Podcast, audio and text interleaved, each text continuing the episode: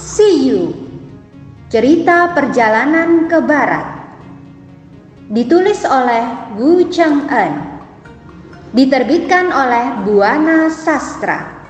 Selamat mendengarkan.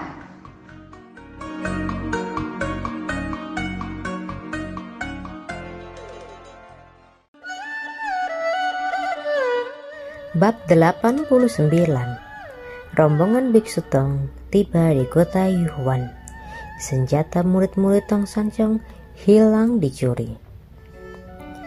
Di dalam perjalanan, ketika Tong Sanchong berbincang-bincang dengan muridnya, ia memuji-muji Sun Wukong sambil tertawa riang. Wukong, kali ini jasamu besar sekali. Aku kira lebih besar daripada anak-anak yang kau tolong ketika mereka akan dikorbankan di negeri biksu kata Tong Sanso. Guru benar, kata Sawuji. Di negeri biksu, kakak cuma menolong satu jiwa anak-anak, tapi di sini satu wilayah diselamatkan. Benar adik, kata Biji. Aku pun merasa kagum melihat kepandaian dan gemurahan hati kakak. Tapi ada tapinya. Tapi apa? Kata Sabuji. Sebenarnya Kebaikan kakak cuma di luarnya saja kalau kamu mau tahu, kata Beji. Kenapa begitu? Tanya Tan Sang. Ya, sebab kalau kakak sedang berjalan bersamaku, dia menganggapku sebagai budaknya saja. Kadang-kadang, aku malah dianggapnya sebagai anak kecil yang bisa dipermainkan sesukanya. Kata Beji mengeluarkan unek-unek hatinya. Rupanya, ia berkata begitu karena sering menjadi sasaran godaan kakaknya yang jahil itu. Memangnya kapan aku memandang rendah kepadamu? Kata Wukong. Wah, sering, sering sekali, kata Piji. Apakah kakak lupa? Dalam segala hal, apa saja kau selalu menyuruh aku. Bukankah itu berarti kau memperbudak aku? Coba kau pikir, padahal di tempat ini kita telah berjasa besar hingga kita dihormati dan diberi makan cukup. Belum lagi kita pun dibuatkan kuil. Jadi kurang bagaimana? Seharusnya kita berdiam paling kurang setengah tahun di tempat ini. Dengan demikian, barulah kita bisa hidup bersenang-senang. Selama itu, kita juga bisa makan dan tidur tanpa harus menderita. Sudahlah, kau jangan ngaco. Lebih baik sekarang kau lekas jalan. Kata Tong Sancong sesudah mendengar keluhan si babi yang tak keruan itu. Akhirnya Beji terdiam walau hatinya masih penasaran. Kemudian sambil berjalan, mulut Beji berkumat kamit. Entah apa yang dikatakan. Mereka melanjutkan perjalanannya. Tanpa mengenal lelah, mereka terus berjalan. Apabila mereka mendapatkan tempat, maka bermalamlah mereka di tempat itu. Tanpa terasa di bulan keempat, rombongan ini tiba di depan sebuah kota. Wukong, kota apakah yang ada depan kita? Tanya Sansong kepada Wukong. Maaf guru, bukankah kita belum sampai di tempat itu? Jadi, mana mungkin aku mengetahuinya? Lebih baik kita dekati saja kota itu agar kita mengetahuinya, kata Wukong. Kemudian mereka segera melanjutkan perjalanan memasuki kota itu. Tak lama rombongan itu bertemu dengan seorang tua yang berjalan menunduk sambil membawa tongkat. Melihat orang tua itu, Tong Sanca memberi hormat. Maaf tuan, kalau boleh aku ingin bertanya, apa nama kota ini? Kata Tong Sanca. Orang itu segera memandang Tong Sancong lalu menjawab. Kota ini bagian dari kota di India. Sahut orang tua itu. Namanya kota Yuhua yang diperintah oleh Pangeran Yuhua. Dia masih sanak Raja India.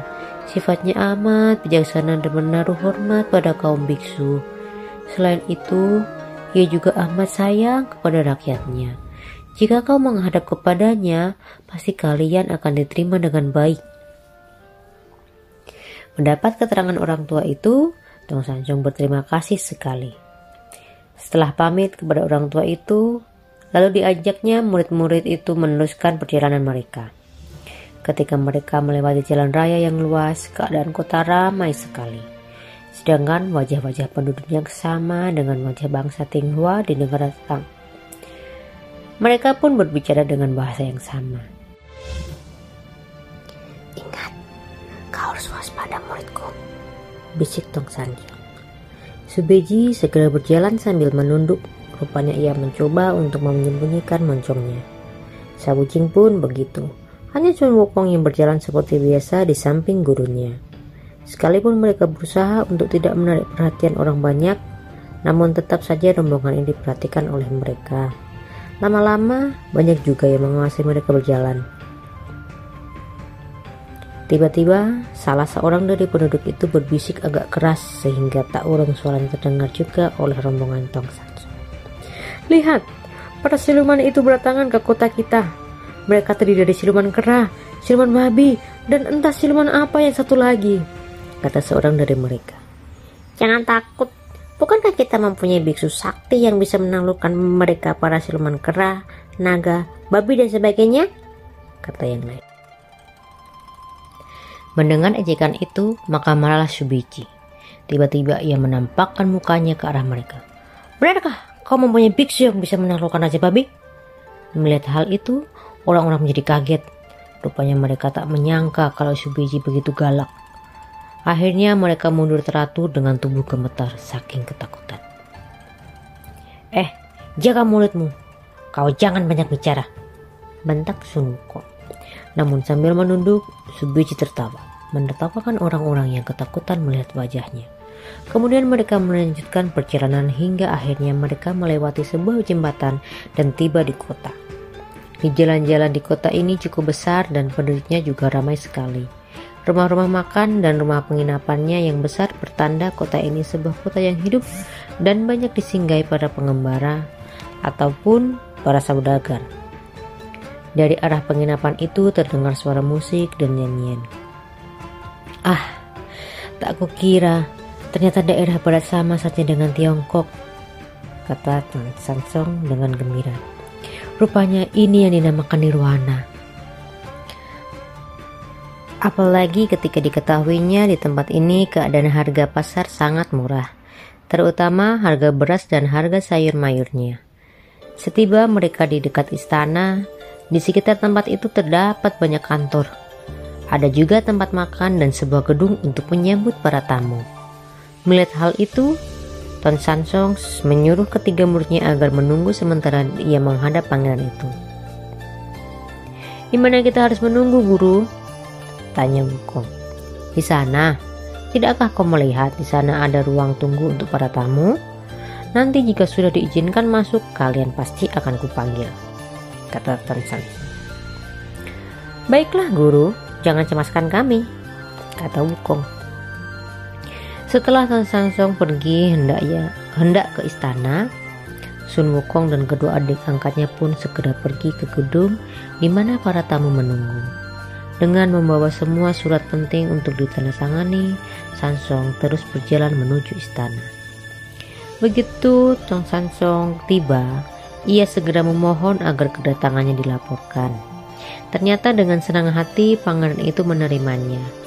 Kemudian Tong Sansong dipersilahkan menunggu sang pangeran di pendopo. Ketika Tong Sansong sudah bertemu dengan pangeran itu, maka diterangkannya maksud perjalanan mereka. Kalau boleh, kami memohon agar surat jalan kami ditandatangani. Tuan Sancho mengakhiri kata-katanya. Baiklah, aku akan menandatangani semua suratmu. Jawab pangeran senang. Sungguh hebat kalau begitu sejak kalian berangkat dari negeri. Sudah berapa jauh menempuh perjalanan itu? Ah, entah sudah berapa ribu kilometer. Aku pun sudah tak ingat lagi, kata Sansa. Tapi seingatku Dewi Guan Yin telah mengatakan bahwa jarak yang harus kutempuh sekitar 9000 km. Sedangkan aku sudah melakukan perjalanan ini selama 14 musim dingin dan panas. Kalau begitu, kau sudah melakukan perjalanan itu selama 14 tahun? Ah, tentu dalam perjalananmu itu kau telah mengalami berbagai hambatan sehingga lambat sekali sampai di sini, kata pangeran itu. Benar tuanku, rasanya amat sulit aku menceritakan semuanya secara rinci. Sesungguhnya aku memang sangat menderita dalam perjalanan itu. Karena itu sekarang aku baru sampai di tempat ini. Kata Sancho. Pangeran yang senang bersahabat dengan kaum beragama dan sangat menghormatinya pula segera memerintahkan anak buahnya supaya menyiapkan makanan untuk Tang. Terima kasih atas kebaikan tuanku. Tapi karena aku tidak melakukan perjalanan ini sendiri, bolehkah kalau aku meminta izin untuk mengajak murid-muridku ke sini? Sebab sekarang mereka ada di luar sedang menungguku. Jumlah muridku ada tiga orang. Kalau boleh, aku akan segera menemui mereka. Aku khawatir mereka menunggu terlalu lama selama aku berada di sini, kata Satsu. Jadi, kau mempunyai murid? Kalau begitu, akan kuperintahkan anak buahku untuk menjemput mereka, kata pangeran. Tang Sansong kembali mengaturkan terima kasihnya. Tak lama kemudian, pergilah pengawal itu ke ruang tunggu.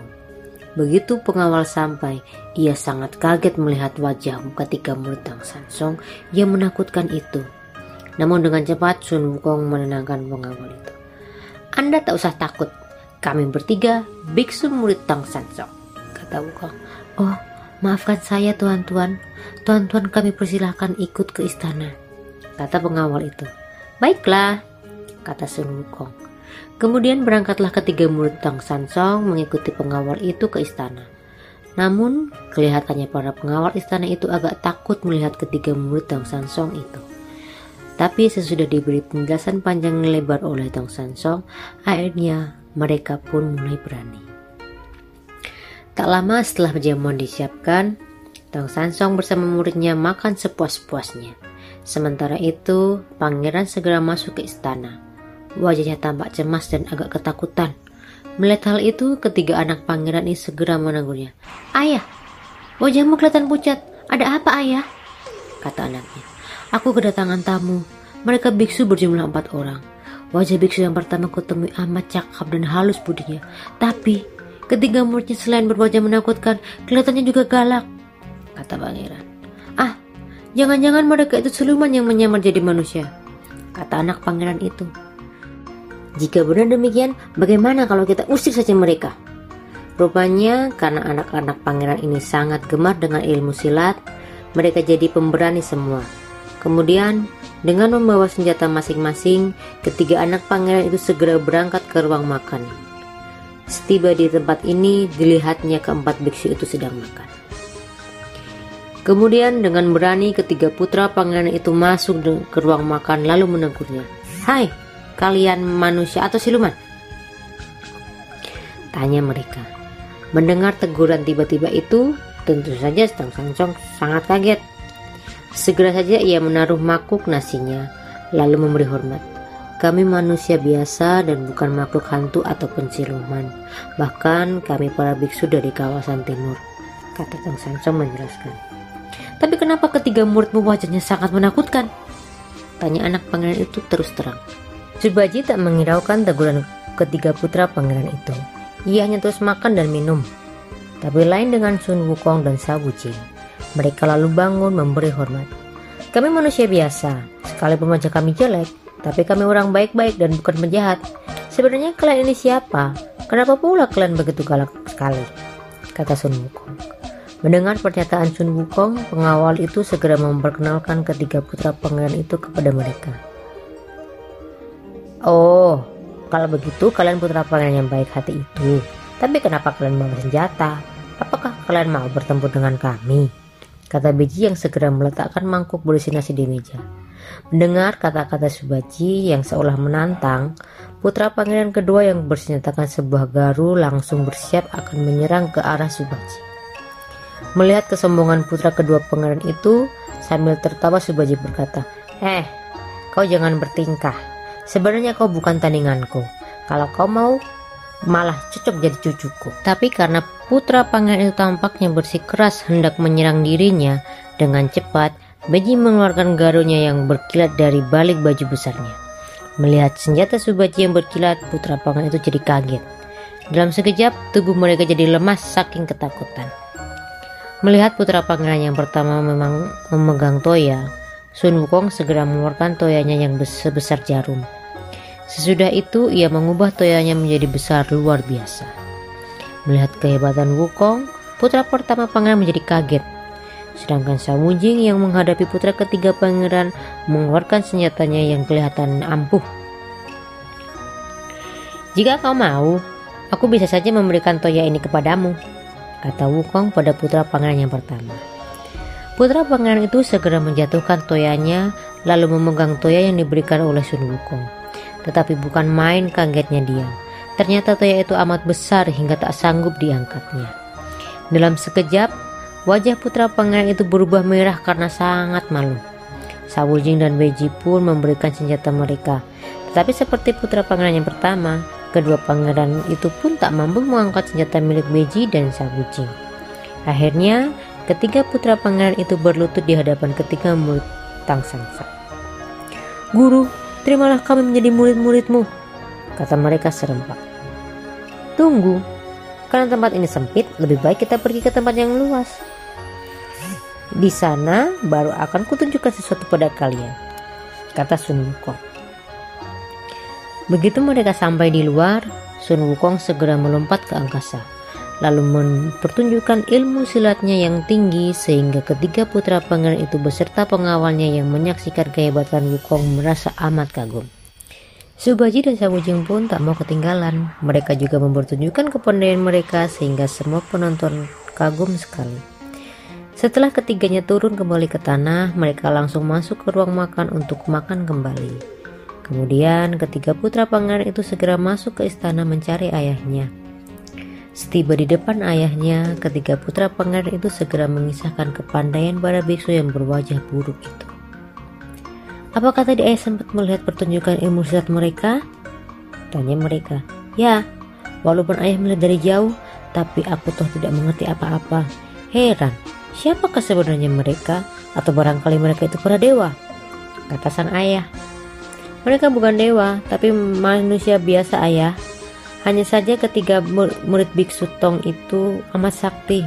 Kalau boleh kami ingin sekali belajar silat pada mereka. Nanti setelah kami pandai silat, sudah tentu kami bisa membela negara, kata ketiga pangeran itu. Jika kalian mau, aku setuju saja, kata sang ayah yang girang melihat semangat ketiga putranya itu. Ayah saja yang meminta kepada mereka agar mau menjadi guru kami, kata putra pangeran yang pertama. Baiklah, sekarang mari kita temui mereka, kata sang ayah. Kemudian diajaknya ketiga putranya ke ruang makan untuk menemui Tang Sangsong dan ketiga muridnya. Ketika pangeran ketiga putranya sampai, Tang Sangsong dan ketiga muridnya sudah selesai makan.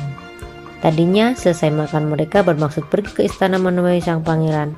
Rupanya mereka ingin pamit untuk melanjutkan perjalanan mereka. Namun ketika Pangeran Yehua datang, mereka segera memberi hormat. Mendadak tiba-tiba pangeran itu berlutut sehingga membuat Tong Sansong dan ketika muridnya kebingungan.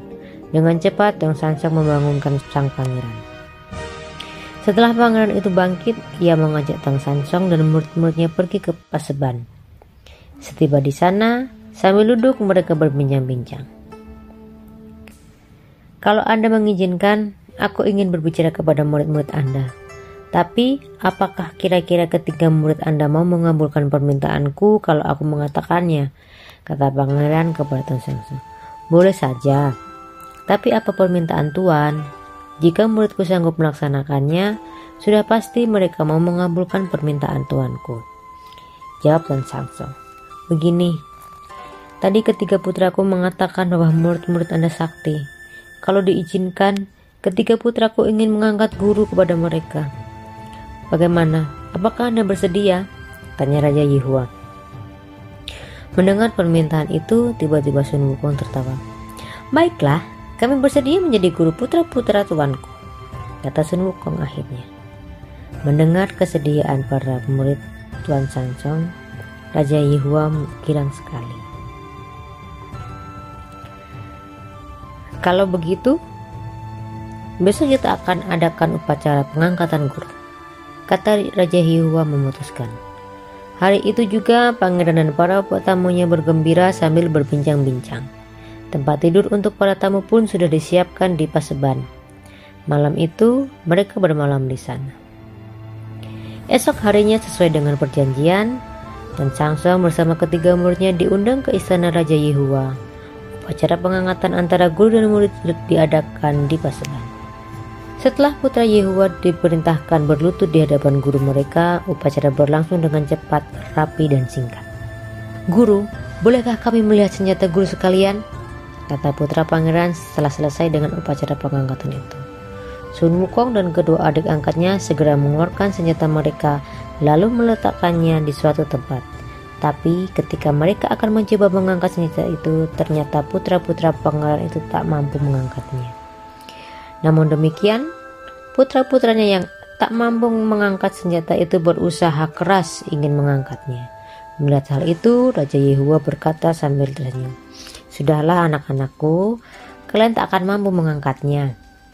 Namun ketika dilihatnya wajah ketiga pangeran itu berubah menjadi merah, Raja Yehua berkata lagi, Guru, berapa sih berat senjata guru sekalian? Berat senjataku sekitar 5048 kati kata Subaji. Kemudian Sang Wujing pun menjelaskan berapa berat senjatanya itu. Ketika putra pertama Raja Yehua meminta untuk melihat toya gurunya, Sun Wukong segera mengeluarkan jarum di balik telinganya. Namun begitu jarum itu digoyangkan, berubahlah jarum itu menjadi sebuah toya. Sesudah itu, ia menerangkan bahwa berat senjatanya itu sekitar 13.500 kati.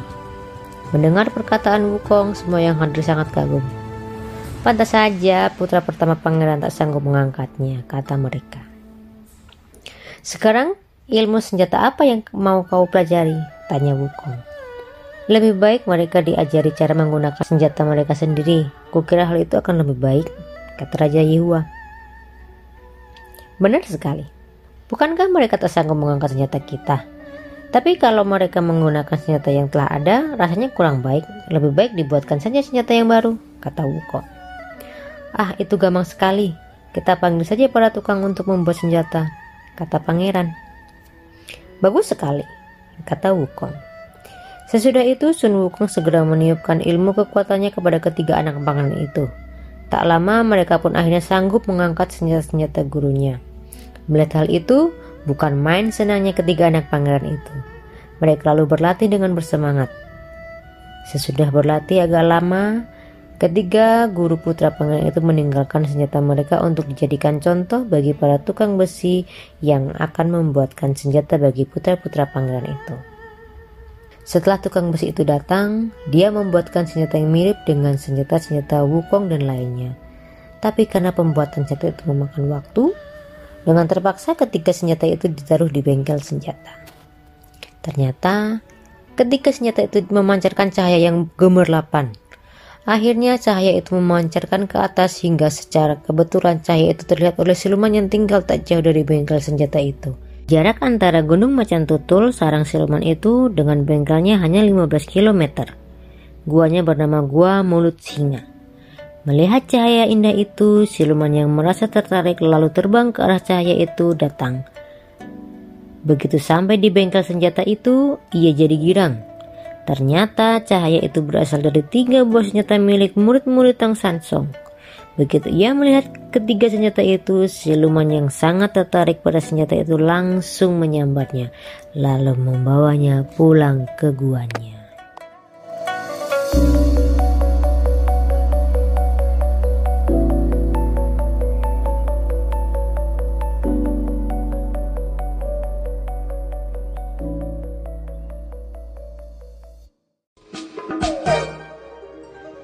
Dengarkan kisah selanjutnya dengan teman membaca yang lain. Terima kasih.